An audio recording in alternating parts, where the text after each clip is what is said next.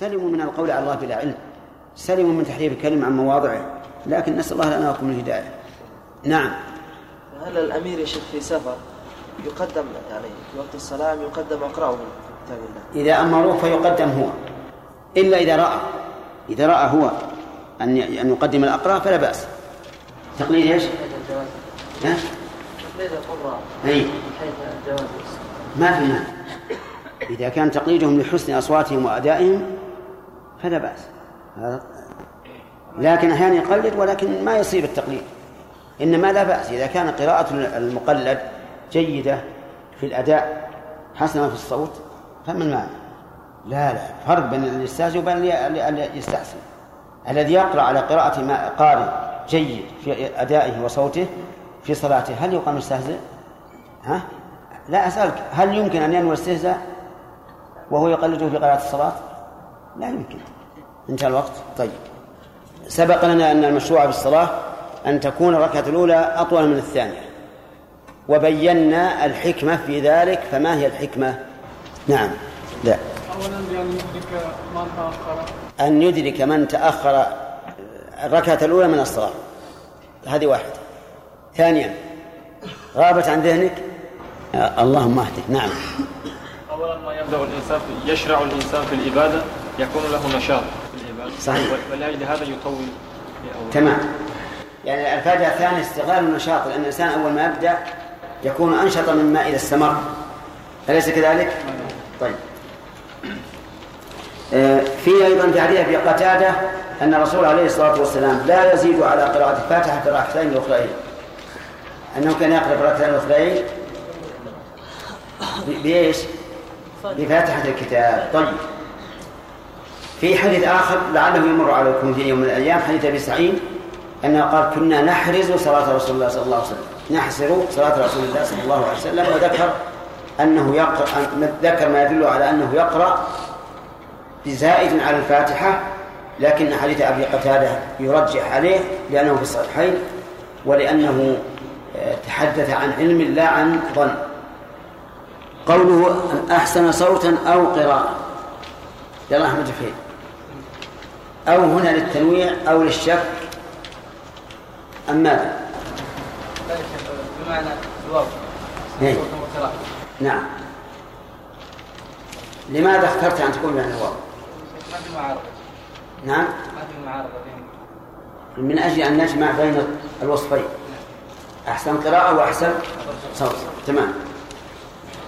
ما الفرق بين حسن الصوت وحسن القراءة؟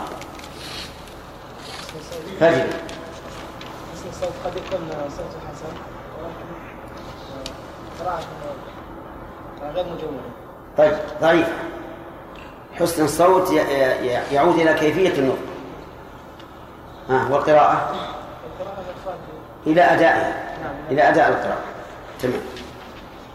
ما وجه كون يقول هو الله أحد صفة القرآن صفة القرآن؟ صفة الله؟ صالح. لأن الله عز وجل تحدث عن نفسه نعم. لأنه تحدث بها عن نفسه وليس فيها شيء من مما يتعلق بالخلق قوله ولم يولد هل فيه أحد قال إن الله مولود؟ سامح. لا- يوجد أحد قال ذلك. نعم. لا يوجد أحد قال ذلك. إذن لماذا لماذا جيءت مبالغة في النفي أنه لم يلد ولم يولد. نعم. الشيء بمثيله. يعني المبالغة في نفي الولادة عنه لا منه ولا له طيب هذه قوله ولم يكن له كفوا أحد. قل إيش معناها؟ لم يكن له مثيل. مثيل كفوا. ها؟ لم يكن له ند ومثيل لا أنا ودي تفسر كفوا. لكفوان أي؟ كفيل ها؟ كفيل لا كفيل.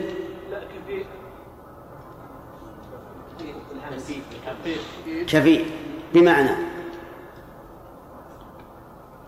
لا أحد يكافئه في ذاته ولا صفاته ولا أفعاله. ما قول أهل السنة والجماعة في المحبة أي محبة الله منه وله؟ قل يا أخي. ها؟ ما حضرت؟ نعم.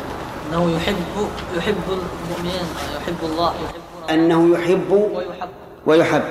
الدليل. دليل قوله تعالى فسوف يأتي الله بقوم يحبهم ويحبونه فسوف يأتي الله بقوم يحبهم ويحبونه تمام. طيب آه، هل أحد أنكر ذلك من أهل القبلة؟ أي ممن ينسبون الإسلام من؟ الجهمية والأشاعرة وجميع المعطلة. طيب. أحسنت. يقال إن الجهمية هم أتباع الجهم بن صفوان. والجهم بن صفوان تلميذ الجعد بن درهم. والجعد بن درهم هو أول من تكلم بالتعطيل. فقال كلمتين. إن الله لم يتخذ إبراهيم خليلا ولم يكلم موسى تكليما. فخرج به خالد بن عبد الله القسري في عيد الأضحى. مربوطا. ثم خطب الناس وقال أيها الناس ضحوا تقبل الله ضحاياكم فإني مضح بالجعد بن درهم إنه زعم أن الله لم يتخذ إبراهيم خليلا ولم يكلم موسى تكليما ثم نزل من المنبر فذبحه والناس ينظرون وفي هذا يقول ابن القيم في النونية ولأجل ذا ضحى بجعد خالد القسري يوم ذبائح القرآن. إذ قال يوم ذبائح القربان يوم ذبائح القربان إذ قال إبراهيم ليس خليله كلا ولا موسى الكليم الداني. شكر الضحية كل صاحب سنة لله درك من أخي قرباني. تشكرون الضحية؟ نعم. نعم. وإذا كانت البدنة تجزئ عن سبعة فهذا يجزئ عن سبعة ملايين أو أكثر.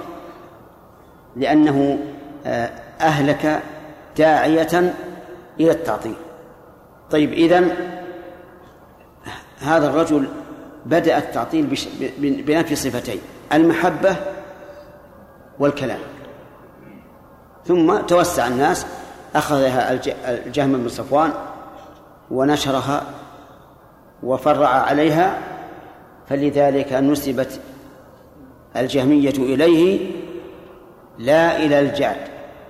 لم يقل الناس الجعدية بل قالوا الجهمية لهذا السبب. طيب الحديث الأخير قال وعن جابر رضي الله عنه أن النبي صلى الله عليه وسلم قال لمعاذ لمعاذ يعني ابن جبل فلولا صليت أي فهلا صليت أي فهلا قرأت في صلاتك بسبح اسم ربك الأعلى والشمس وضحاها والليل إذا يغشى فإنه يصلي وراءك الكبير والضعيف وذو الحاجة. هذا الحديث له سبب. سببه أن معاذ بن جبل رضي الله عنه وهو من أفقه الصحابة كان يصلي مع النبي صلى الله عليه وسلم صلاة العشاء. من أجل التعلم منه والاقتداء به. ثم يرجع إلى قومه وهم أصحاب عمل وحرث فيصلي بهم صلاة العشاء. ابتدأ ليلة من ابتدأ ليلة من الليالي بسورة البقرة. وكانوا كما قلت لكم عمالا وحراثا والعامل الحارث يتعب ويحب أن ينام مبكرا. فانفتل رجل من القوم وصلى وحده. فرماه معاذ بالنفاق وقال هذا منافق. لماذا يقطع الصلاة ويذهب يصلي وحده؟ أثقل الصلوات على المنافقين صلاة العشاء وصلاة الفجر. ولكن الرجل شكاه إلى الرسول عليه الصلاة والسلام. فدعا معاذا وغضب. وقال له أتريد أن تكون فتانا؟ فتانا أي صادا للناس عن دينهم. كما قال تعالى إن الذين فتنوا المؤمنين والمؤمنات يعني صدوهم عن الدين. قال أتريد أن تكون فتانا؟ هل هل صليت بكذا وكذا؟ فأرشده النبي صلى الله عليه وسلم إلى هذا. قال فلولا صليت. فيستفاد من هذا الحديث بما سقنا من سببه جواز الغضب عند الموعظة. لقوله لأنه غضب عليه الصلاة والسلام. ومن فوائده أيضا أن يوصف الإنسان بما يقتضيه فعله وإن كان بريئا منه أي من ذلك الوصف. لقوله أفتان أنت يا معاذ أو أتريد أن تكون فتانا؟ ونحن نعلم أن معاذ بن جبل لا يريد هذا أبدا. ومن فوائد هذا الحديث أن الأفضل أن يراعي الإنسان حال المأمومين. لقوله فإنه يصلي وراءك من؟ الكبير والضعيف وذو الحاجة. وكلهم محتاجون إلى التخفيف. فإن قال قائل فلو حصل طارئ يقتضي أن يخفف عما عينه الرسول صلى الله عليه وسلم. فالجواب نعم يخفف لكن بشرط أن لا يأتي بما يخل بالطمأنينة. ومن فوائد هذا هذا الحديث أنه ينبغي أن يقرأ في صلاة العشاء بأوساط مفصل لأن هذه السورة التي عددها الرسول صلى الله عليه وآله وسلم كلها من إيش؟ من أوساط مفصل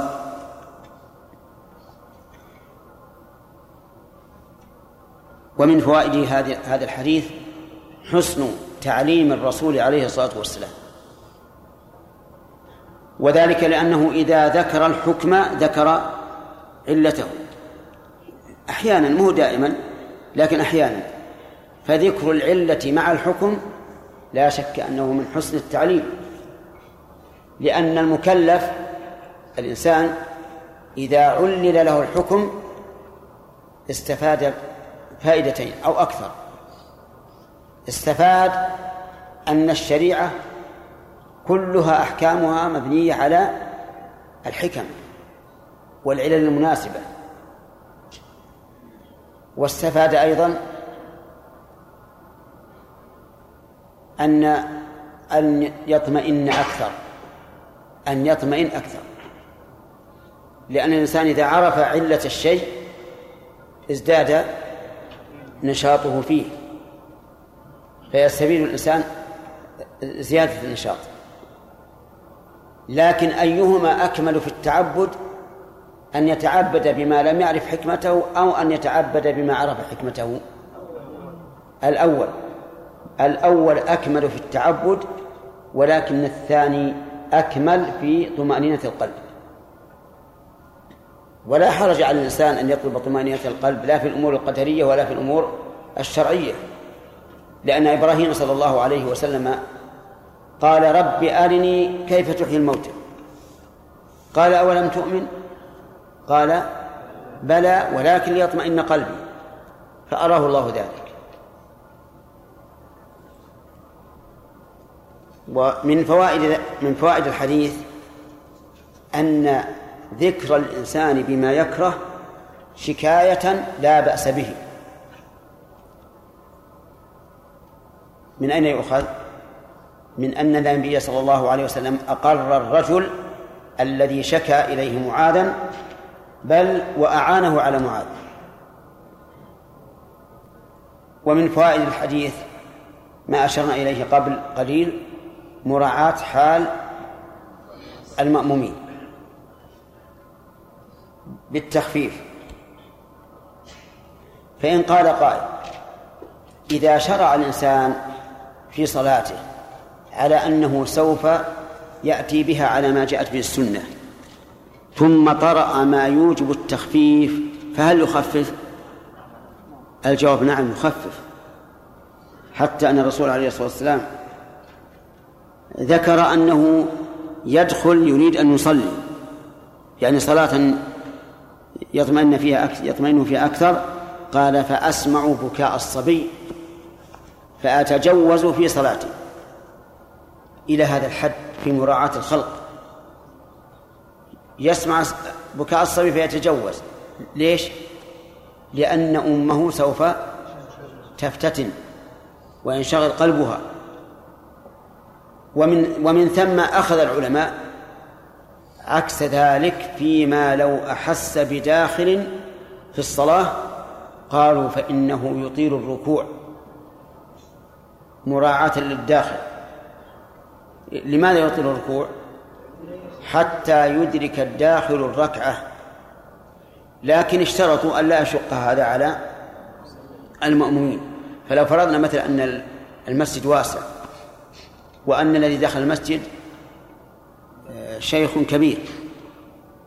نسمع عصاه يضرب به الأرض. وسيبقى قبل أن يصل إلى الصف عشر دقائق. هل يتأخر؟ لا لا يتأخر. لأن هذا لأن هذا سوف يشق على المأمومين لكن إذا كان إذا كان تطويلا محتملا فلا بأس.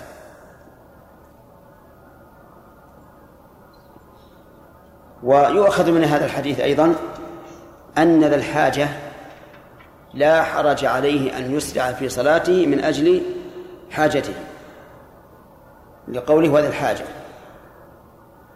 لكن الحاجات تختلف. حاجات تقتضي الفورية. فهذه لا يمكن أن يتم الإنسان مع الصلاة. كما لو أحس بابنه قد سقط أو رآه تلتهمه النار مثلا. فهنا لا نقول أتم الصلاة وأوجز بل نقول إيش؟ اقطع الصلاة وجوبا لإنقاذ المعصوم من من الهلكة. وبعض الحاجات يكفي فيها يكفي فيها أن يسرع الإنسان. ثم نقف على هذا على باب ترك الجهر بسم الله الرحمن الرحيم. نعم بعض الأئمة إذا كانت له حاجة إذا بعض الأئمة إذا كانت له حاجة نعم. راعى حاجة نفسه فيخفف أو يعجل في الإقامة أي نعم. وفي المقابل لا يراعي المؤمنين. أي ما تقول في هذا في هذا السؤال؟ يقول بعض الأئمة يراعي مصلحة نفسه. إن كان له حاجة أسرع. وإن لم يكن له حاجة لم يسرع. هذا لا شك أن أن سياسته للإمامة خاطئة. لكن أحيانا لا يكون له بد من هذا. أحيانا لا يكون له بد من هذا فلا بأس. يعني مثل افرض أنه يمرض مريضا. وخرج إلى الناس يصلي بهم لكن استعجل فوق العادة لهذا المريض. أو نزل به ضيوف. فهذا لا بأس به. وأظن أن السنة وردت بمثل ذلك لكن لا يحضرني الآن المثال.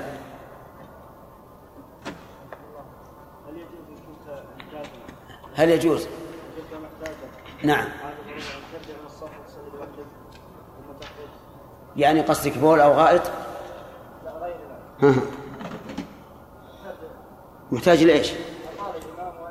ها أحسن إذا أطال الإمام فوق السنة فللمأموم أن ينفصل عنه. لكن إذا أطال بما بما يوافق السنة فليس له أن ينفصل لأن المأموم الإمام معذور. إن كان حاجة ننظر هل الحاجة تبيح له قطع الصلاة أو تبيح له الانفراد؟ ينظر ما كل حاجة تبيح له ذلك. إذا كان من عادة الإمام أن يبقى بين الأذان والإقامة آه، يعني مدة طويلة نصف ساعة بين الأذان والإقامة في العشاء والظهر والعصر ثم وكل شخصا وبقي الإمام على هذه العادة مثل عشر سنين. والمأمومين متعودين على الطريقة هذه واعتادوا على أنه إيش يبقى بين الأذان والإقامة هذه المدة طيب. نصف ساعة. ثم وكل شخصا فضغط عليه المؤمنين أن يبقى المدة المحددة من قبل الأوقات 15 دقيقة. هل الأفضل أنه يغير أو يبقى على ما كان عليه؟ لا الأفضل لا يجوز أن يصلي بهم إلا حيث وكل. وإلا فليقل الإمام إذا قال ابقى فيهم كما أبقى. يجب أن يقول لا أنا لا أبقى فيهم كما بقيت. إذا وكل وكالة ما فينظر المصلحة. أحيانا تكون المصلحة في التأخير. أنا أذكر أن مسجدا كان يعرف بالتأخير يمتلئ لأن الناس يفوتهم الصلاة في مساجدهم ثم يأتون إليه. فينتفعون من هذه الناحية. من يطيع المأمون ولا؟ لا إل- إلا إذا كان أطلق له أو كان قال يعني صرح له بأن يفعل ما شاء. نعم. بارك الله فيكم بالنسبة لتفسير القرآن الكريم أهل البدع يقولون تفسير القرآن خطأ خطا وكفر لاجل هذا يمكن كثير من الناس يعرفون معنى الآية ما يدرون. يقولون تفسير القرآن إيش؟ يعني يعني بس القرآن يقولون خطأ دائما أهل البدع يقولون تفسير القرآن خطأ. خطا وهو كفر. وكفر؟ خطره. الله أنا مالي إلا أذنان واحد يتكلم بس. خطا التفسير يعني الخطأ في التفسير كفر الخطأ ها. يعني معناه إذا فسر الإنسان القرآن بغير علم. كذا؟ ولو بالعلم هم يعني. إذا إن كان حتى يعرف معنى الآية. أي. يفسر يرون أنه هذا لا يجوز. لا غلط. لابد لأن قوله تعالى كتاب أنزلناه إليكم مبارك ليدبروا آياته. لماذا يتدبرونها؟ إلا للوصول إلى معناها. وقال تعالى ونزلنا إليك الذكر لتبين للناس ما نزل إليهم. وتبينه تبين اللفظ وتبين المعنى تبين المعنى.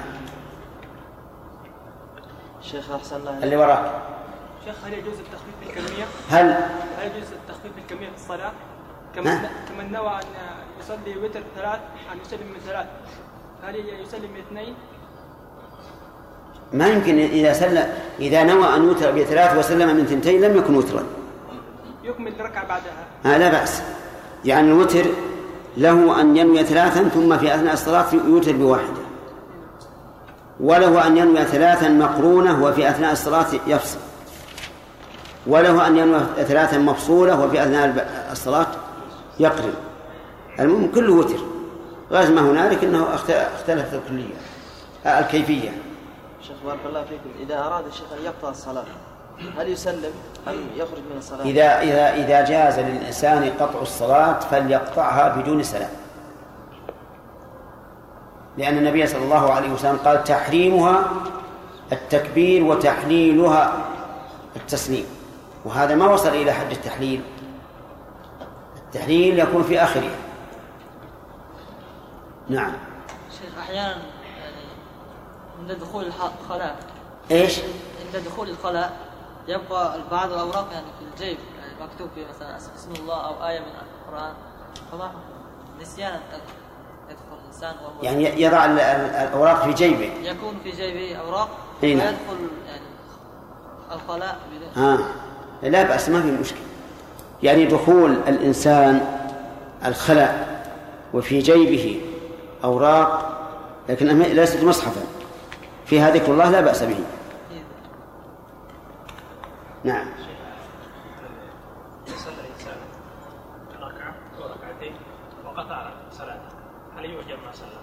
هل؟ هل؟ هل يؤجر ما صلى؟ أي. هذا يسأل يقول إذا طرأ على المصلي شيء أوجب أن يقطع صلاته فهل يثاب على ما فعل؟ أو نقول لما لما خرج منها قبل إتمامها لغت. الجواب الأول ما دام قطعها لعذر فإنه يكتب له أجر ما صلى فقط. نصف صلاة ربع صلاة أكثر أقل. شيخ أحسن الله إليكم. من رأى في منامه رؤيا رأى فيها رسول الله صلى الله عليه وسلم؟ وادعى أو قال أنه رأى. قلنا له صف هذا الرسول الذي رأيته صف هذا الذي رأيت. لا تقول صف الرسول. إيه. ما بعد صار رسول حتى الآن. قلنا صف هذا الذي رأيته نعم. وصفه بصفات ليس هو صفات الرسول صلى الله عليه وسلم. نعم. كيف يكون هذا؟ ما يكون شيء. يكون رأى شيطانا. إيه بعض المفسرين شيخ في مسألة تعبير الرؤيا ابن سيرين وغيره يقولون الإنسان يرى آه، يعني رؤيا. الرسول صلى الله عليه وسلم ويكون بغير صفاته هذا من ذنوبه فقط. لذلك بعض الناس يدعون أنهم لا يفارقون الرسول. إذا قلت لهم صفه الرسول يقولون ازرق طويل إيش؟ يقولون أسود وطويل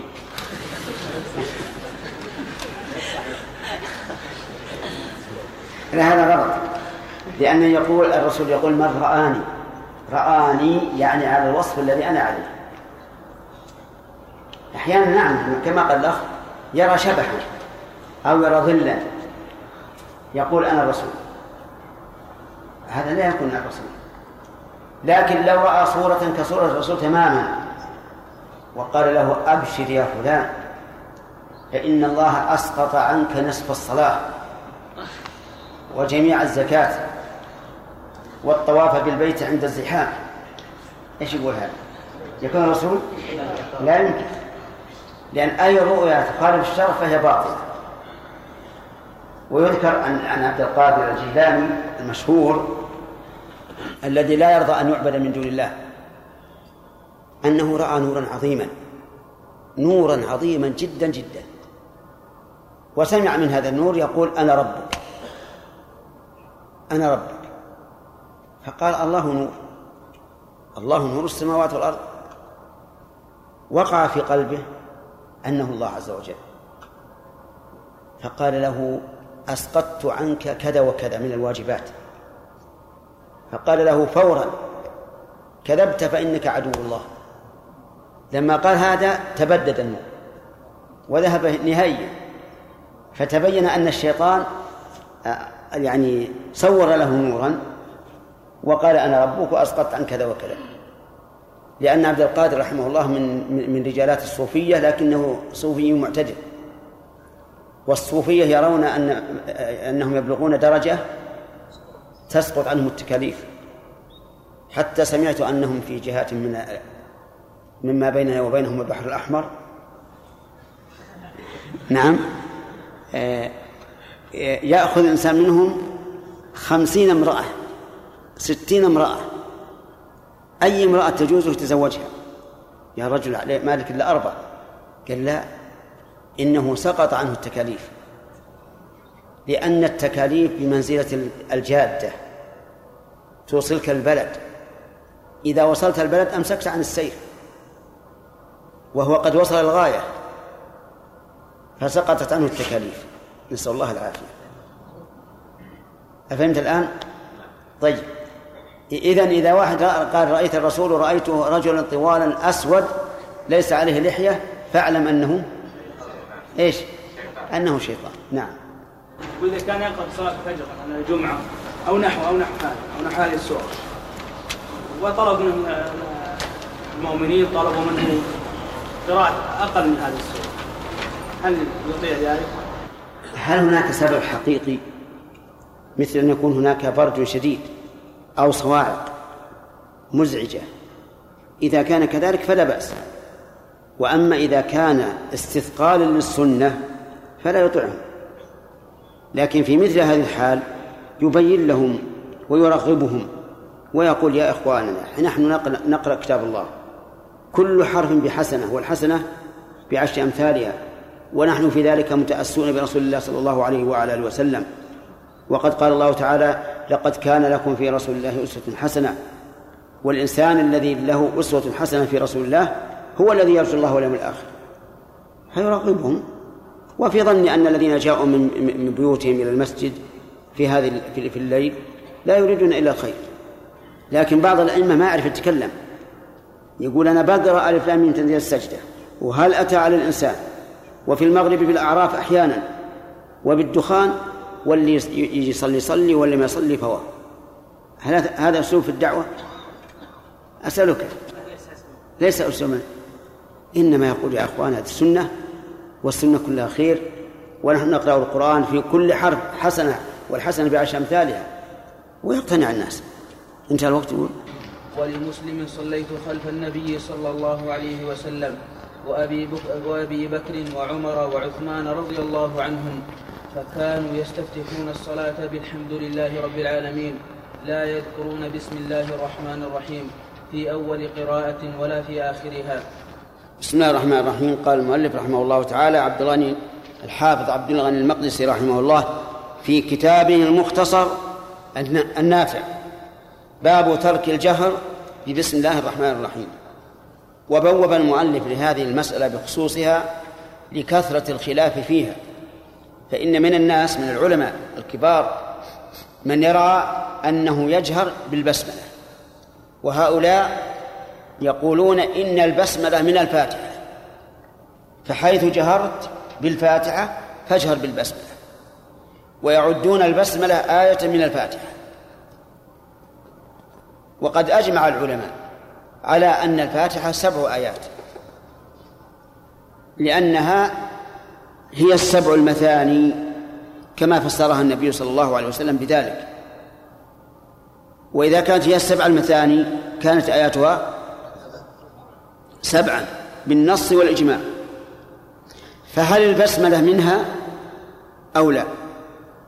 من يرى أن البسملة منها يقول إنه إذا ترك البسملة بطل الصلاة لأنه ترك آية من الفاتحة. ويقول إذا جهر بالفاتحة جهر بها بالبسملة لأنها إيش؟ لأنها منها. أما من يقول إن البسملة ليست من الفاتحة وهو الصواب المتعين فإنه لا يشعر بالبسملة. ولو تركها لم تبطل صلاته. فلنعد فلنعد الفاتحة حتى نرى هل هي سبع آيات بدون البسملة أو لا؟ الحمد لله رب العالمين. الرحمن الرحيم. مالك يوم الدين. كم هذه؟ ثلاث. كلها في حق الله. إياك نعبد وإياك نستعين. هذه الرابعة. بعضها لله وبعضها للآدمي. اهدنا الصراط المستقيم. صراط الذين أنعمت عليهم. غير المغضوب عليهم ولا الضالين. كم هذه؟ ثلاث آيات للإنسان. اهدنا الصراط المستقيم للإنسان. إذن هي سبع آيات. الثلاث الأولى منها لله والثلاث الأخيرة منها للإنسان. والرابعة بين الثلاث والثلاث بين الله وبين العبد.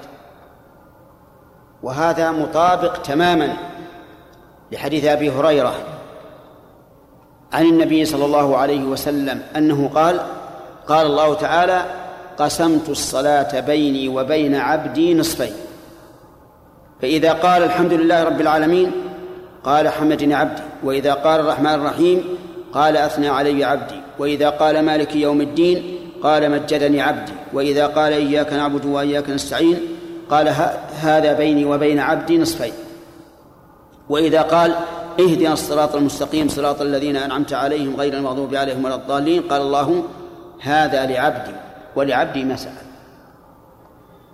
فتبين الآن أن الفاتحة سبع آيات بدون البسملة.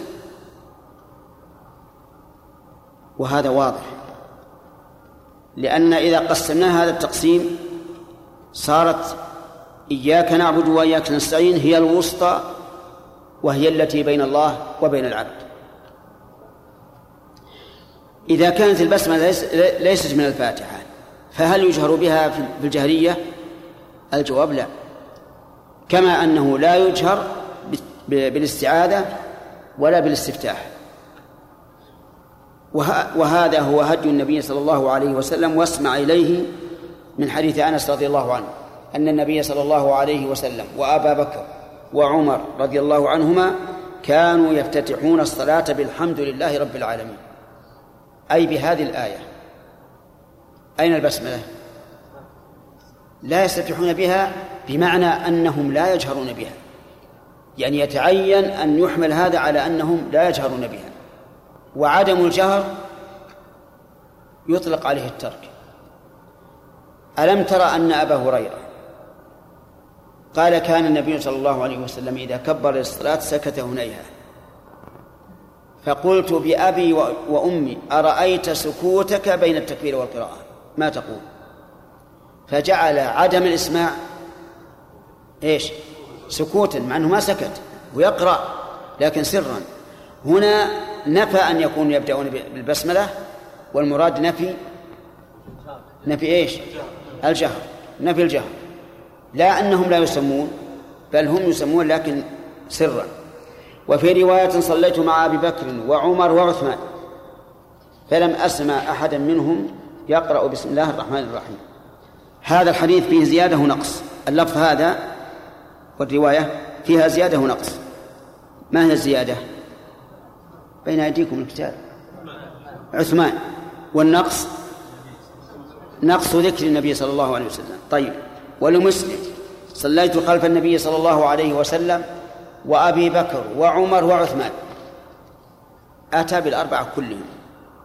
فكانوا يستفتحون الصلاة بالحمد لله رب العالمين لا يذكرون بسم الله الرحمن الرحيم في أول قراءة ولا في آخرها. لا يذكرون.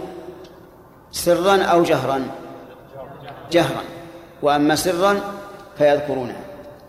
فيؤخذ من هذا الحديث الاستدلال بسنة الرسول صلى الله عليه وسلم والخلفاء الراشدين. فإن قال قائل لا حاجة إلى ذكر سنة الخلفاء الراشدين لأن سنة النبي صلى الله عليه وسلم كافية. أليست كافية؟ بلى. لكن ذكر سنة الخلفاء الراشدين فيها الإش... فيها فيه الإشارة إلى أن الحكم لم ينسخ. هذه فائدته أن الحكم لم ينسخ بقي وعمل به الخلفاء من بعد موت الرسول صلى الله عليه وسلم. وفيه ومن فوائد هذا الحديث الاستدلال بالفعل لأن الرسول صلى الله عليه وسلم لم يقل لا تسموا أو لا تجهروا لكنه لم يجهر فيستدل بفعله. ومن فوائد الحديث أن الترك سنة كالفعل لأن أنس رضي الله عنه إنما قال ذلك أو إنما ساق هذا الحديث ليستدل به على عدم الجهر فيكون الترك سنة كما أن الفعل سنة ولكن هذا الأخير يشترط فيه أن يكون السبب موجودا في عهد الرسول صلى الله عليه وسلم ولم يفعل. فإذا كان السبب موجودا ولم يفعل كان الترك هو السنة. إذن الترك سنة بشرط. أجيبوا جماعة. أن يوجد السبب بشرط أن يوجد السبب. وأضرب لكم مثلا يقرب هذا. لو قال قائل يسن إذا دخل المسجد أن يستاك لدخول المسجد قياسا على استياكه إذا دخل بيته. لأن الإنسان أول ما يدخل بيته أول ما يدخل بيته ينبغي أن يبدأ بالسواك قبل أن يسلم على أهله.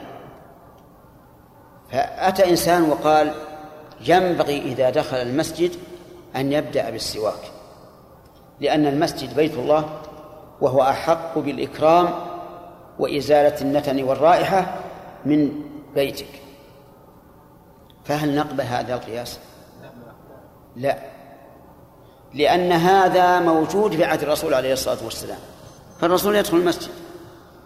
ولم ينقل عنه أنه إذا دخل المسجد بدأ بالسواك. إذن فالترك سنة كما أن الفعل سنة لكن نزيد في الترك إيش؟ إذا وجد السبب أي إذا وجد سبب الفعل ولكن لم يفعل صارت السنة هي الترك. ومن فوائد هذا هذا هذا الحديث أنه يجوز نفي الشيء لنفي بعض أوصافه. كيف ذلك؟ لأنه قال لا يذكرون. وهم لا شك لا شك أنهم يذكرون البسملة. لكن لما كانوا لا يجهرون بها صار نفيها صار انتفاء بعض أوصافها آه، انتفاء لها. انتفاء لها. فيجوز نفي الشيء لنفي بعض أو لانتفاء بعض أوصافه. ثم قال المؤلف رحمه الله باب سجود السهو. ها؟ طيب. باب سجود السهو. السجود مضاف والسهو مضاف إليه. وهذا من باب إضافة الشيء إلى سببه. من باب إضافة الشيء إلى سببه. يعني باب السجود الذي سببه السهو.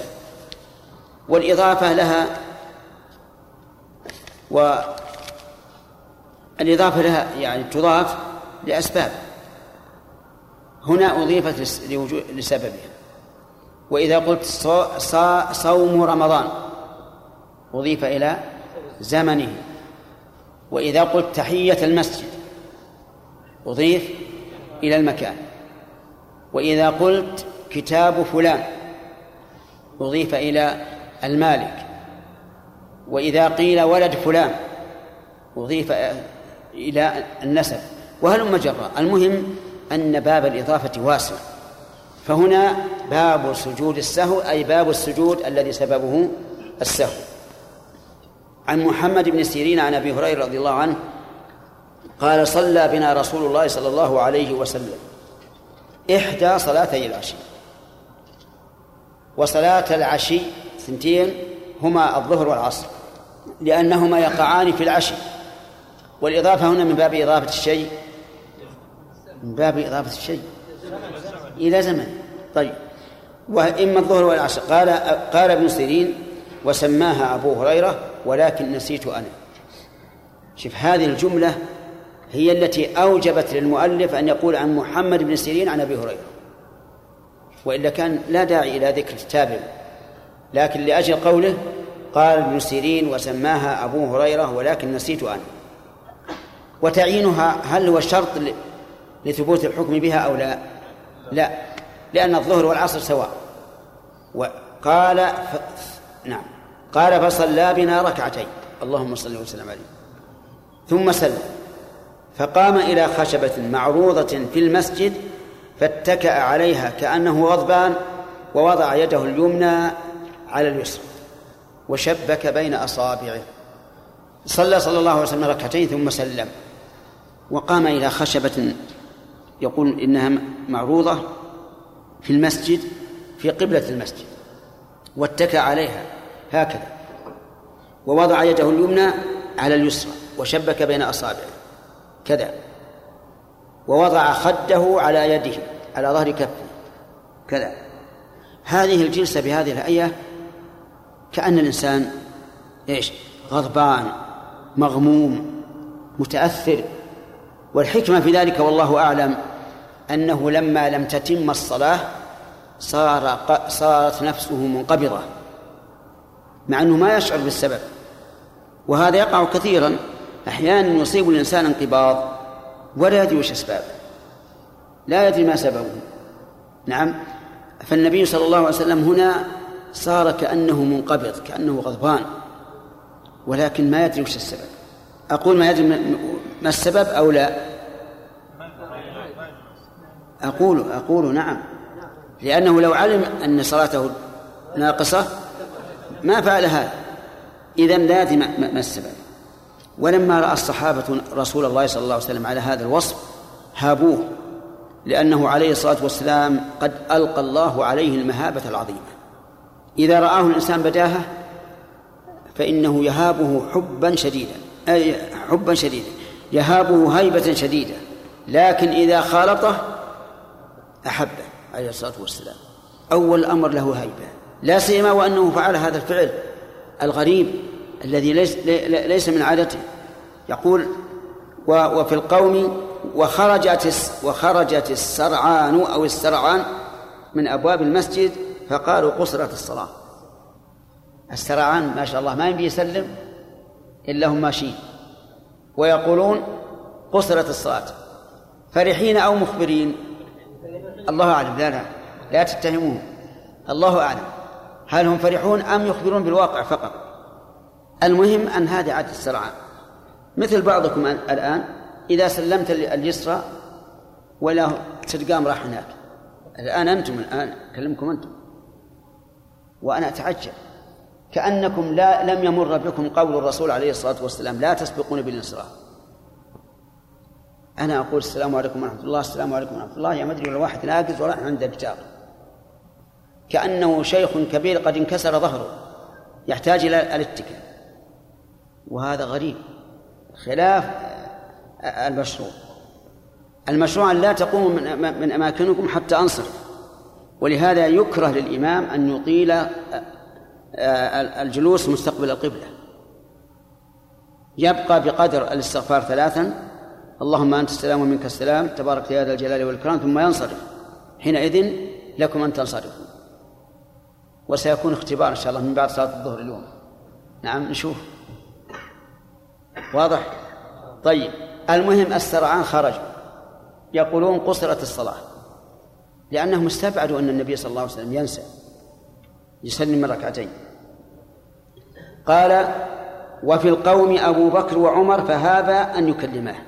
أخص أصحابه به هذان الرجلان أبو بكر وعمر. ومع ذلك هابا أن يكلماه. لأن الرسول صلى الله عليه وسلم قد أعطي الهيبة العظيمة لا سيما على هذا الحال. ولكن يسر الله عز وجل من كلمه ممن كان النبي صلى الله عليه وسلم ينبسط إليه. رجل في يديه طول. ولا أدري هل المراد الذراع والعضد والكف أو الكف والأصابع. الله أعلم. والناس الآن يختلفون. بعض الناس يديه قصار وبعضهم يديه طوال. هذا الرسول هذا الرجل كأن النبي صلى الله عليه وسلم يداعب. يقول يا ذا اليدين. يا ذا اليدين. ومعلوم أن الإنسان الذي إذا كثرت مداعبته للشخص فإنه يجرؤ عليه أكثر. فتقدم هذا الرجل. ولكنه قال قولا سبحان الله تقول إنه درس في علم المنطق عشرين سنة. قال كلمة هي تتبع واستقراء قال أنا أم قصرت الصلاة. محتمل هذا ولا غير محتمل؟ أنا يعني وسلمت قبل أن تقضى الصلاة أم قصرت وسلمت عند تمامها. بقي احتمال ثالث لا يمكن أن يكون. أم سلمت عمدا قبل إتمامها. هذا القسمة العقلية. إما أن يكون نسي أو قصرت الصلاة أو سلم عمدا قبل الإتمام. الاحتمال الثالث مستحيل أو غير مستحيل؟ مستحيل ما يمكن. ولهذا لم يذكر الصحابي لأنه مستحيل. لكن مني ومنك ومن, ومن الثاني والثالث ربما نسلم عمدا قبل قبل تمام الصلاة لعذر نعتقده أو لغير عذر. ربنا لا تزغ قلوبنا بعد إذ هديتنا. لكن الرسول عليه الصلاة والسلام لا يمكن أن يسلم عمدا قبل التمام ولهذا لم يذكر الصحابة. انتهى الوقت؟ إن شاء الله البقية تأتي. نعم.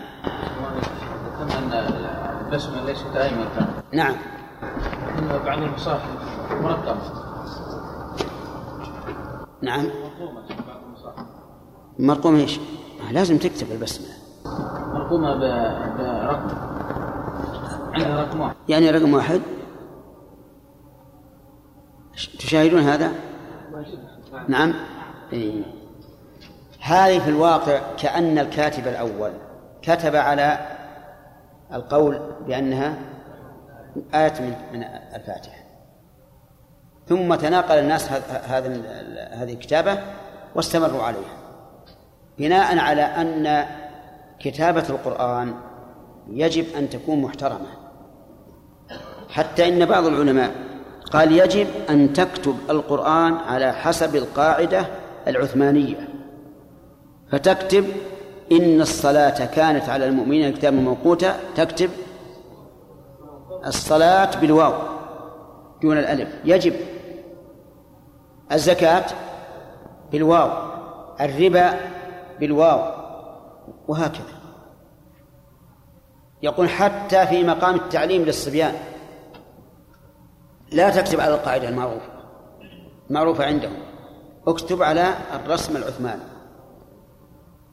ومن العلماء من يقول إن الرسم العثماني لا يتعبد به بدليل أنه لو كان الرسم العثماني في ذلك الوقت عند كتابة المصحف على غير هذا الوجه إيش؟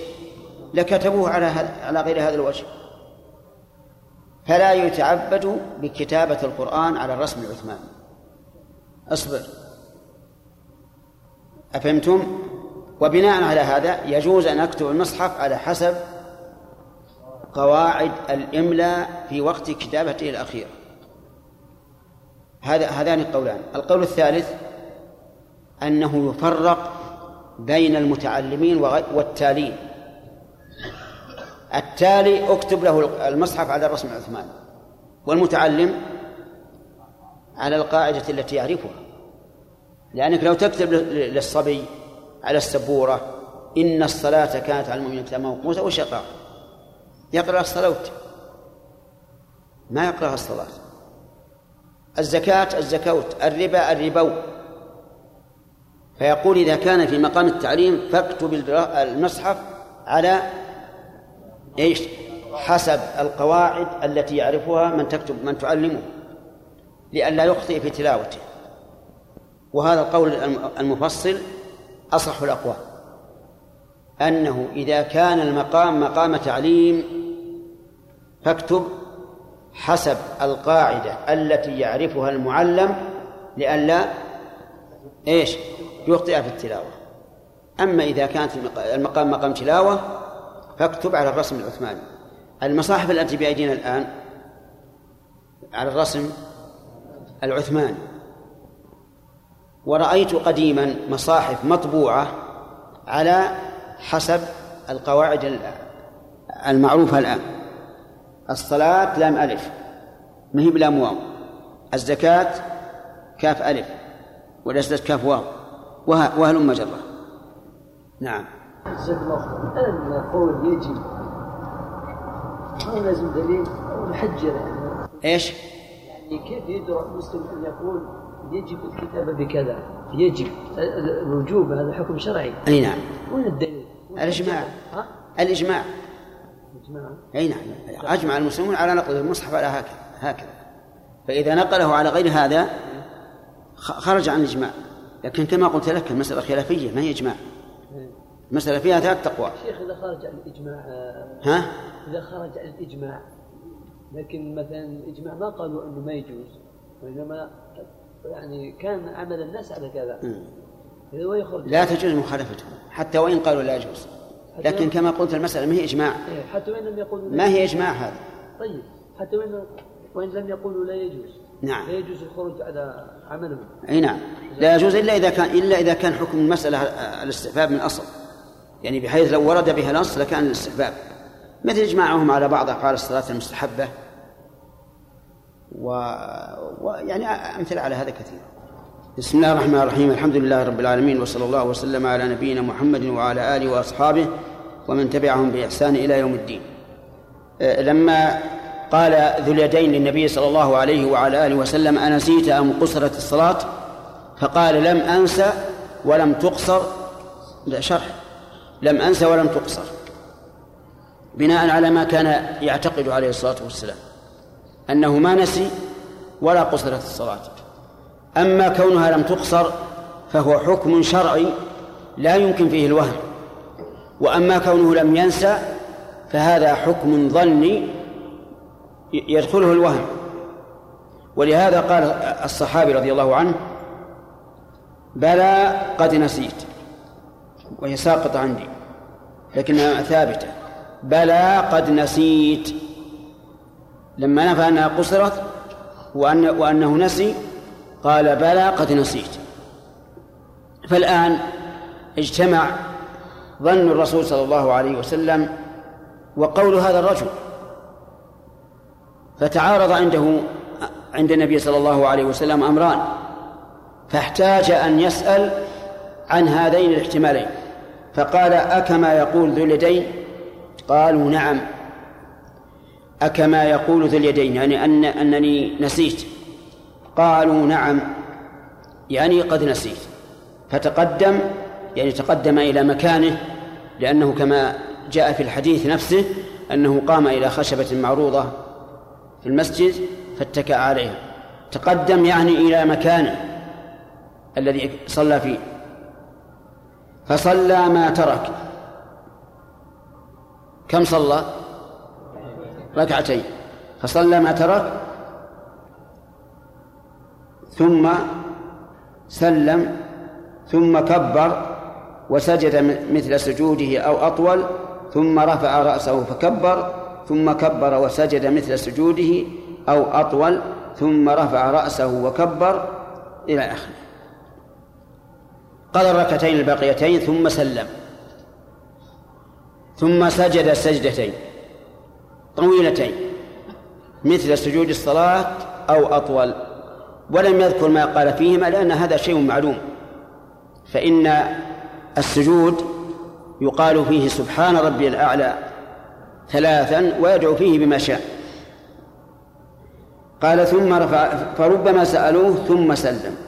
ربما سألوا أبا هريرة. ماذا صنع بعد السجود؟ هل سلم أم لا؟ فقال فنبئت أن عمران بن حسين قال ثم سلم. فروى أبو هريرة عن عمران بن حسين أنه قال ثم سلم. ففي هذا الحديث من الفوائد فوائد كثيرة. منها جواز السهو على النبي صلى الله عليه وسلم. يعني جواز أعني جواز النسيان. وهل الرسول عليه الصلاة والسلام يمكن أن ينسى؟ الجواب نعم وهذا الحديث شاهد له أنه يمكن أن ينسى. ولقد قال عليه الصلاة والسلام في حديث عبد الله بن مسعود حين صلى خمسا قال إني إنما أنا بشر مثلكم أنسى كما تنسون. ومن زعم أن النسيان محال عليه فقد أخطأ. وكيف يكون محالا عليه وهو نفسه أخبر به عن نفسه. وقال إني أنا بشر مثلكم أنسى كما تنسون. ولكن هل هذا النسيان ينساه من أجل أن يشرع للناس أو هو بمقتضى البشرية؟ الثاني أنه بمقتضى البشرية. ولهذا قال إنما أنا بشر مثلكم أنسى كما تنسون ومسألة التشريع يمكن أن تثبت بدون أن ينسى. يمكن أن يقول الناس إذا إذا سلمتم قبل التمام فاصنعوا كذا وكذا. وما هذه الدعوة إلا كدعوى من من ادعى أن جهره بالتسبيح والتكبير بعد الصلاة من أجل تعليم الناس. فإن بعض الناس قال يسن الإصرار بالذكر بعد الصلاة. وأجابوا عن حديث ابن عباس رضي الله عنهما أن رفع الصوت بالذكر بعد الصلاة كان على عهد النبي صلى الله عليه وسلم.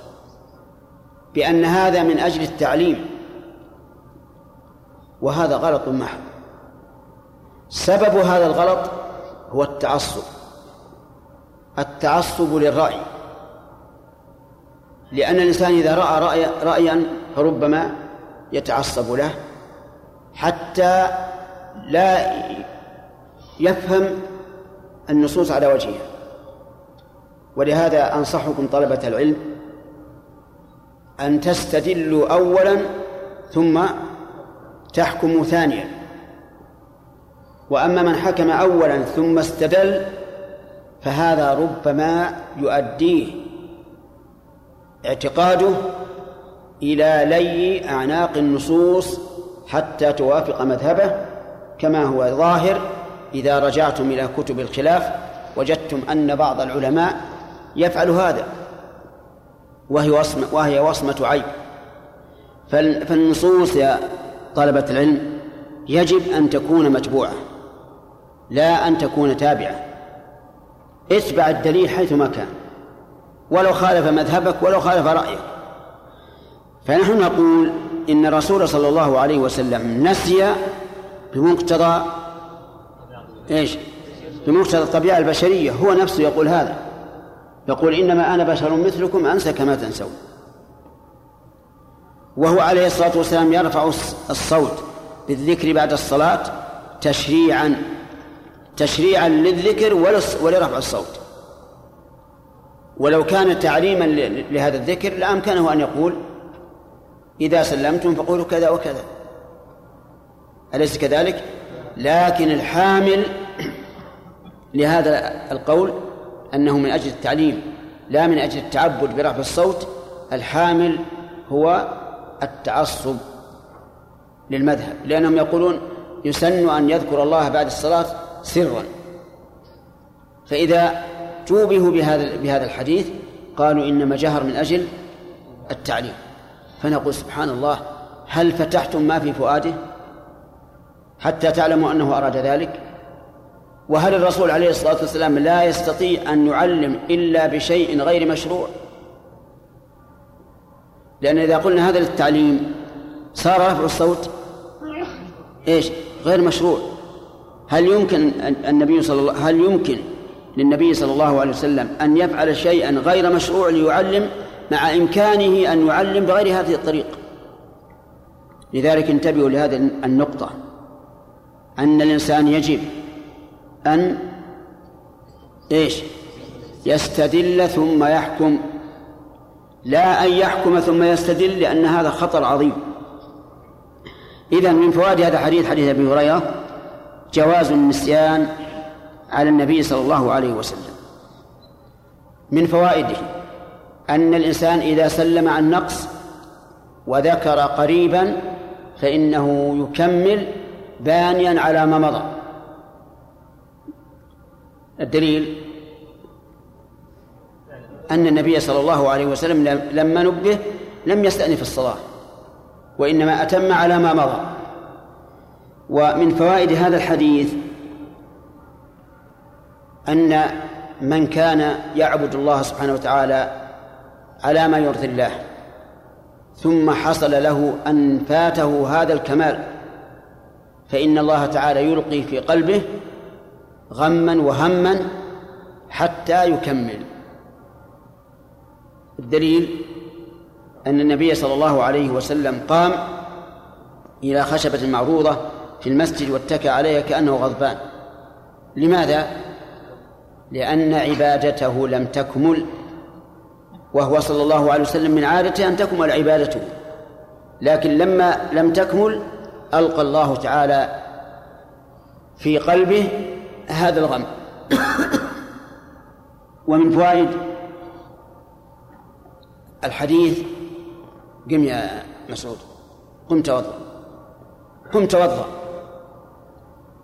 ومن فوائد هذا الحديث جواز تشبيك اليدين بعد الصلاة في المسجد. جواز تشبيك اليدين في المسجد بعد الصلاة. من أين تؤخذ؟ من أين تؤخذ؟ عن الأخ هذا. لأن النبي صلى الله عليه وسلم شبك أصابعه بعد أن صلى. إذا تشبيك الأصابع في المسجد ليس مكروها لأن النبي صلى الله عليه وعلى آله وسلم فعله. ولا يفعل شيئا مكروها. أما من من جاء إلى المسجد يريد الصلاة فالأفضل أن لا يشبك بين أصابعه.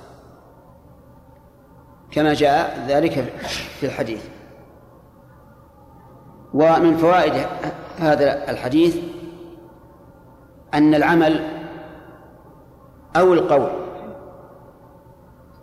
فيما إذا سلم قبل الصلاة لا يبطل الصلاة. دليله أن النبي صلى الله عليه وسلم قام إلى الخشبة واتكى عليها وأن السرعان خرجوا من المسجد وأن الرسول صلى الله عليه وسلم تكلم مع الصحابة وكلمه الصحابة. مع أن هذه الأفعال مع أن القول مع أن هذا القول والحديث يبطل الصلاة لكن لما كان المتكلم يعتقد أن صلاته قد انتهت صار غير مبطل لها. طيب.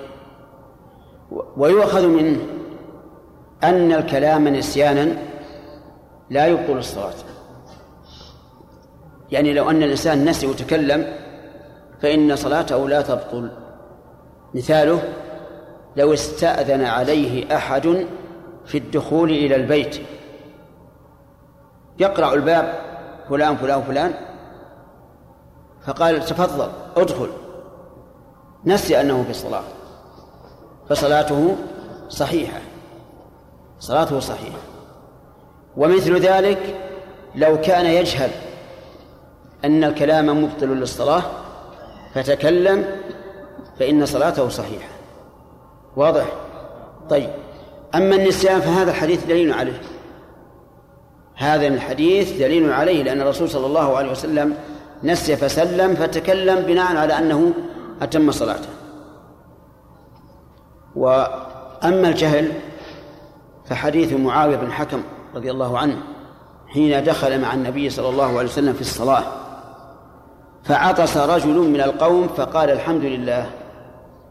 فقال له معاوية يرحمك الله. فرماه الناس بأبصارهم. يعني جعلوا ينظرون إليه منكرين. فقال وثكل أمياه فجعلوا يلطخون أي يضربون على أفخاذهم يسكتونه. فسكت. فلما قضى الصلاة دعاه النبي صلى الله عليه وعلى آله وسلم. قال معاوية فبأبي هو وأمي ما رأيت معلما أحسن تعليما منه. والله ما كهرني ولا نهرني. يعني ما أنكر علي بوجهه ولا بمقاله وإنما قال إن هذه الصلاة لا يصلح فيها شيء من كلام الناس أو قال من كلام الآدميين وإنما هي التسبيح والتكبير وقراءة القرآن أو كما قال. ولم يأمره بالإعادة لأنه كان جاهلا. ويدل لهذا عموم الآية الكريمة القاعدة العظيمة وهي قوله تعالى ربنا لا تؤاخذنا إن نسينا أو أخطأنا فقال الله قد فعلت. فخذ هذه أيها الطالب خذها قاعدة في جميع المحرمات العامة والخاصة.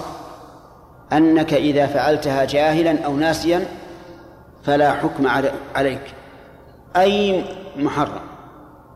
حتى إن العلماء قالوا لو زنى رجل بامرأة وهو يظن أن الزنا آه، غير حرام كما لو كان ناشئا ناشئا في الإسلام حديثا فإنه لا شيء عليه. طيب لو أن الإنسان جامع في نهار رمضان وهو صائم يظن أن الجماع لا بأس به إذا لم ينزل كما ادعاه بعض الناس الذين يستفتون. فما الحكم؟ عليه شيء؟ لا. صيامه صحيح؟ ولا كفارة عليه. لماذا؟ لأنه جاهل.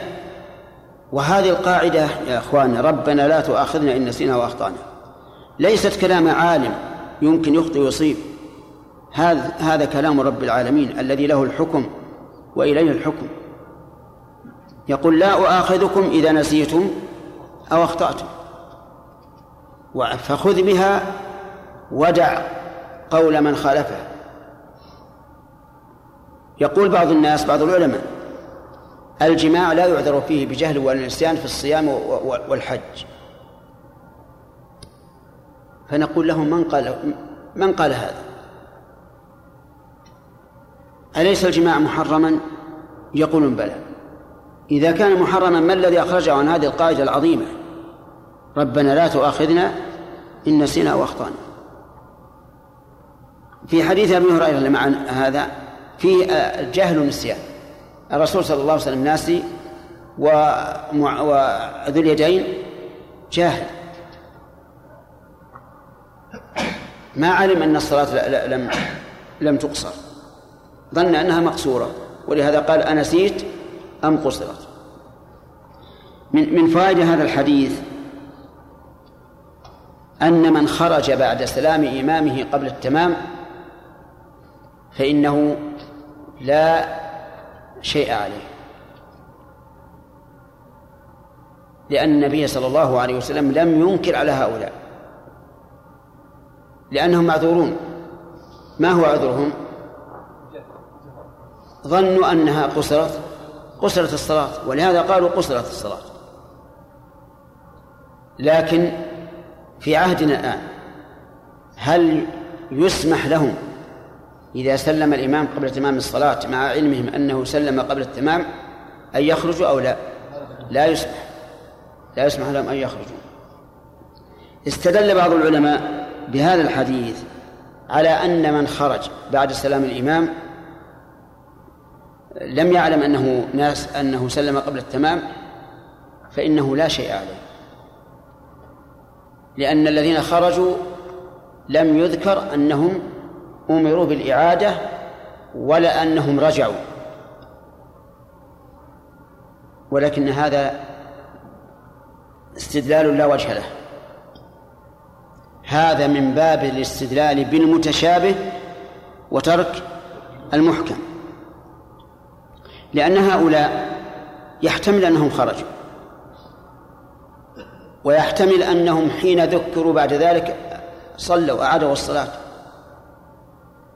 ويحتمل أنهم لم يعيدوا ولم يرجعوا.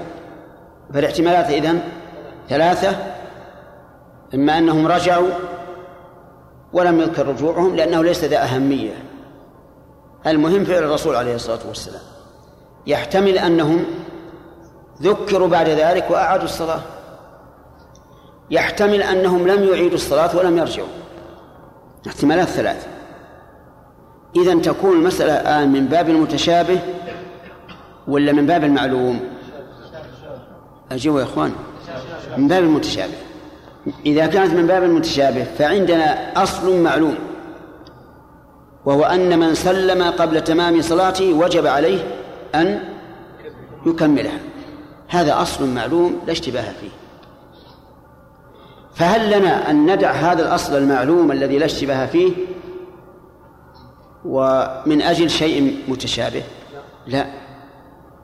الأخذ بالمتشابه من طريق أهل الزيغ والعياذ بالله. لكننا لا نقول بك بأن كل من أخذ بالمتشابه فهو زائغ. قد يكون معذورا. فلا يوصف بالزيغ. لكن الطريق في الأصل أن اتباع المتشابه من عمل أهل الزيغ. كما جاء في الحديث الصحيح إذا رأيتم الذين يتبعون ما تشابه منه فاحذروهم فهم الذين قسم الله. طيب إذا ماذا نقول فيما إذا خرج السرعان؟ بعد سلام الإمام في أثناء الصلاة.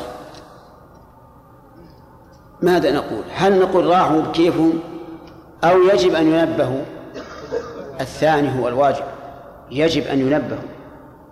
فيقال للإمام مثلا إذا جاءت الصلاة الثانية وهو قد رأى أناسا خرجوا فليقل أيها الناس إننا قد صلينا إننا قد سلمنا في الصلاة الفلانية قبل التمام فمن لم يكمل معنا فعليه أن يعيد الصلاة من جديد. لا بد من هذا. بعد إن شاء الله تأتي الفوائد بعد ذلك. أولا بارك الله فيك اعلم أن الالتفات بالوجه لا يخل باستقبال القبلة الذي يخل أن تلتفت بجميع البدن أما بالرأس فلا يخل لكنه مكروه لأن النبي صلى الله عليه وعلى آله وسلم سئل عن الالتفات في الصلاة فقال هو اختلاس يختلسه الشيطان من صلاة العبد. لكن اختلاف لكن التفاتهم هنا إما أن يكون قبل النهي وإما أن يكون لحاجة. وهو إنكار المنكر. أفهمت؟ ارفع صوتك. صحيح. هذا أخطأ. الواجب عليه لما سلم التسليمة الأولى ثم ثم نبهوه أن يمسك ثم يكمل. فلما سلم الثانية بعد أن نبه بطل الصلاة. لأنه تعمد الخروج منها قبل تمامها. وهذا بالحقيقة يا أخواننا يجرنا على مسألة.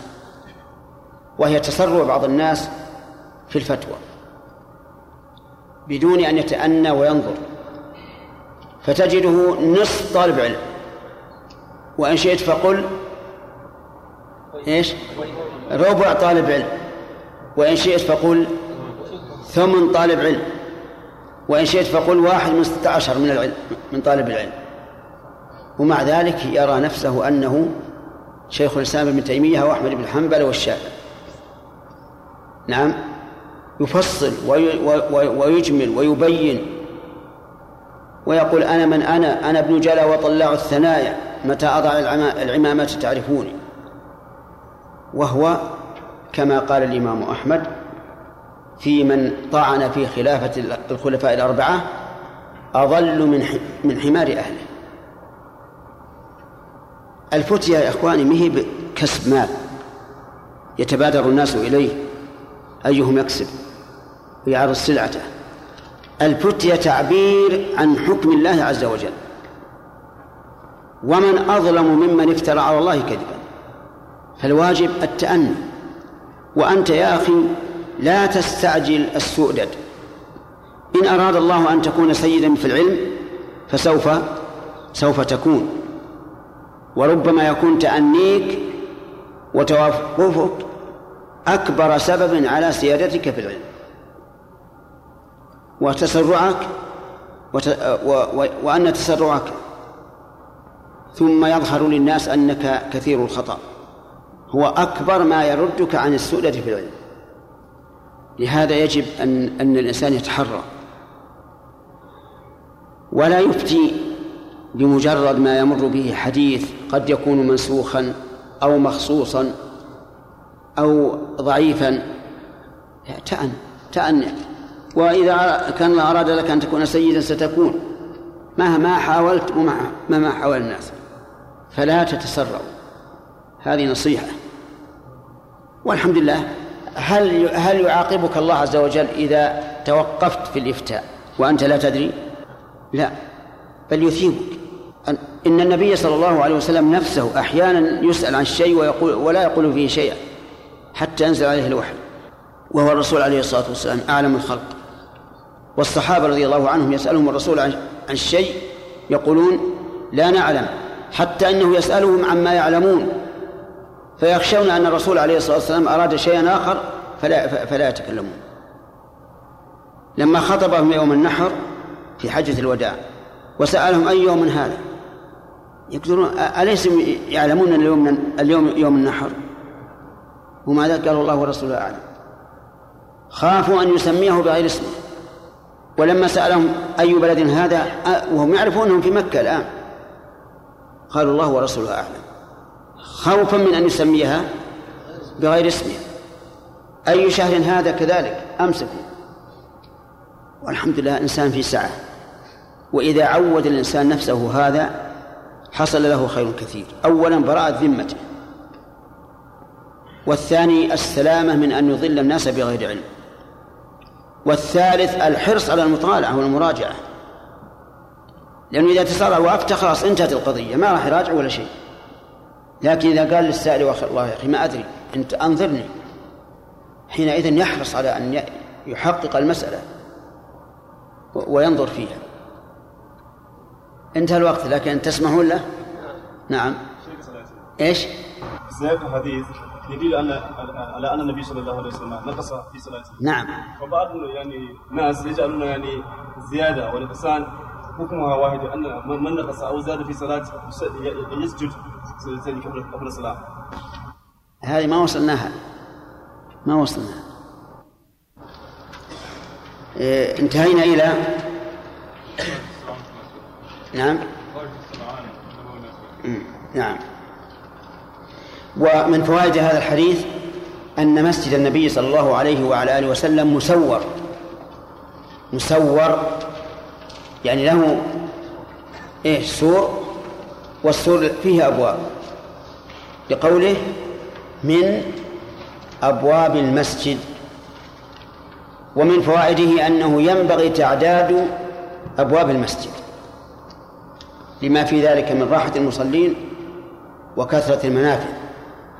لكن الأفضل أن لا يجعل أن لا تجعل الأبواب في قبلي المسجد. لأنها إذا جعلت في قبلي المسجد أوجبت التشويش على المصلين. اللهم إلا أن يكون باب لدخول الخطيب يوم الجمعة فهنا الأفضل أن يكون بابه متقدما يعني في قبلية قبلية المسجد. ومن فوائد هذا الحديث العمل بالظاهر.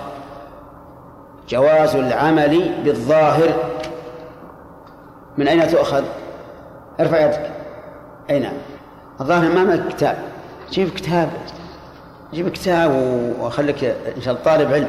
لأني أتخيل فيك الذكاء. لا تخيب الظن. ماذا تقول؟ فيه جواز العمل بالظاهر. قالوا قصرت. هل يعلمون أن أنها قصرت؟ لم يعلم. لكن عملا بالظاهر لأنهم استبعدوا أن يكون الرسول صلى الله عليه وسلم ينسى. طيب والعمل بالظاهر هل هو جائز؟ نعم. يجوز. بل قد يجب أحيانا. ومن فوائد هذا الحديث شدة مهابة الصحابة لرسول الله صلى الله عليه وسلم مع أنه من أي من ألين الناس عريكة وأخفهم نفسا. لكن الله عز وجل يلقي الهيبة في قلوب الناس من الشخص ولو كان لينا سهلا. وهذه من رحمة الله بالعبد. وهو ما يعرف عند الناس عند القوم بقوة الشخصية. وإن كان قوة الشخصية قد تكون موهبة من الله عز وجل أن الله يجعل الهيبة في قلوب الناس وقد تكون بفعل الفاعل. لكن الهيبة في القلوب هذه من عند الله. كقوله تعالى في موسى وألقيت عليك إيش؟ محبة مني على أحد التفسيرين. لأن التفسير الثاني ألقيت عليك محبة مني يعني أحببتك. والقول الثاني ألقيت عليك محبة مني أن من رآك أحبك. وكلاهما صحيح. طيب إذن من فوائد هذا الحديث إلقاء الهيبة في قلوب الصحابة لرسول الله صلى الله عليه وسلم مع حسن خلقه ولين عاطفته. من أين تؤخذ؟ من قوله في القوم أبو بكر وعمر فهذا أن يكلماه. فإذا كان أبو بكر وعمر وهما أخص الصحابة به قد هاب أن يكلماه فمن دونهما؟ من باب أولى ومن فوائد الآية الكريمة ومن فوائد الحديث أنه قد قد يحصل للإنسان حال توجب الهيبة. وإن لم وإن لم يكن مهيبا إلى ذاك في الأصل ما هي الحال هنا؟ أن الرسول صلى الله عليه وسلم قام واتكى على الخشبة كأنه غضبان وكان من عادته غالبا إذا قام انصرف إلى بيته لكن هذا لأمر أراده الله ومن فوائد الآية الكريمة أن من كرامة الشخص أنه إذا قصر في عبادة جعل الله له علامة خفية. ليست من صنعه. نعم. كيف؟ لا ما ما أظن. ما يخل أثبتوها ثانية. فإن فإن الله يجعل في نفسه شيئا يدل على أنه لم يكمل العبادة. دليل ذلك حال النبي صلى الله عليه وعلى آله وسلم. وذكر لنا أن رجلا من الناس من أهل هذه البلدة كان ورعا من أورع عباد الله. ولا يمكن أن يدخل على كيسه درهم واحد إلا بحق. وفي يوم من الأيام خرج إلى إلى البر ليحمل على بعيره خشبا. وكان جاره له خشب قريب من من أرضه فسهى. وأناخ البعير عند خشب الجار وحمل الخشب ثم زجر البعير ليقوم فأبت. أبت أن تقوم. فزجرها فأبت مع أنها كانت ذلولا. ولكن أبت. فجعل يفكر ليش؟ بعير يعرفها ذلول طيبة سمحة وأبت. فكر وناظر ألهمه, ألهمه الله أن ينظر إلى الخشب. فإذا الذي حمله على البعير خشب جاري وإذا خشبه موجود في الأرض. فنزل الخشب من البعير وحمل خشبه هو وزجر البعير فقامت في الحال. هذه من من من حماية الله للعبد. أن الله ييسر له ما يحميه من المعاصي من غير أن يشعر. فإذا علم الله عز وجل من نية العبد حسن النية والبعد عن المحارم فإن الله تعالى يعصمه منها. من فوائد هذا الحديث انبساط الإنسان إلى من يمازحه.